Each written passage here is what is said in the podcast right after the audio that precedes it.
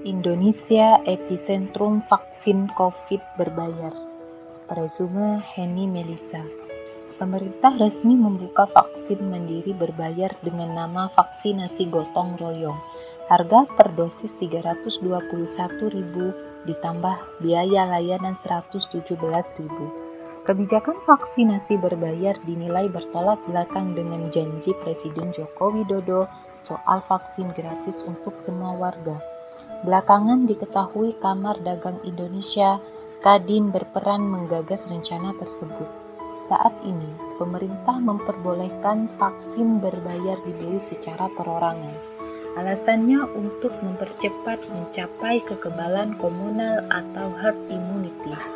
Sungguh telah putus urat penguasa yang telah meluncurkan kebijakan vaksin berbayar Kritik datang dari WHO. Kepala Unit Program Imunisasi WHO, Anne Lindstrand, mengkritik kebijakan vaksinasi individu berbayar di Indonesia dan menyatakan setiap orang harus memiliki hak yang sama untuk bisa mengakses vaksin COVID-19.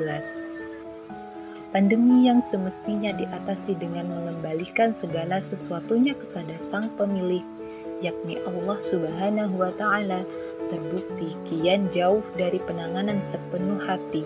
Indonesia yang mengaku negeri muslim terbesar di dunia ternyata lebih kapitalistik daripada negara kampium kapitalisme, di mana di sana status vaksin COVID adalah gratis.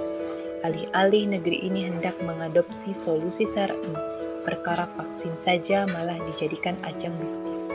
Program vaksin berbayar ini juga dikhawatirkan tidak diiringi mekanisme pengawasan yang tepat guna.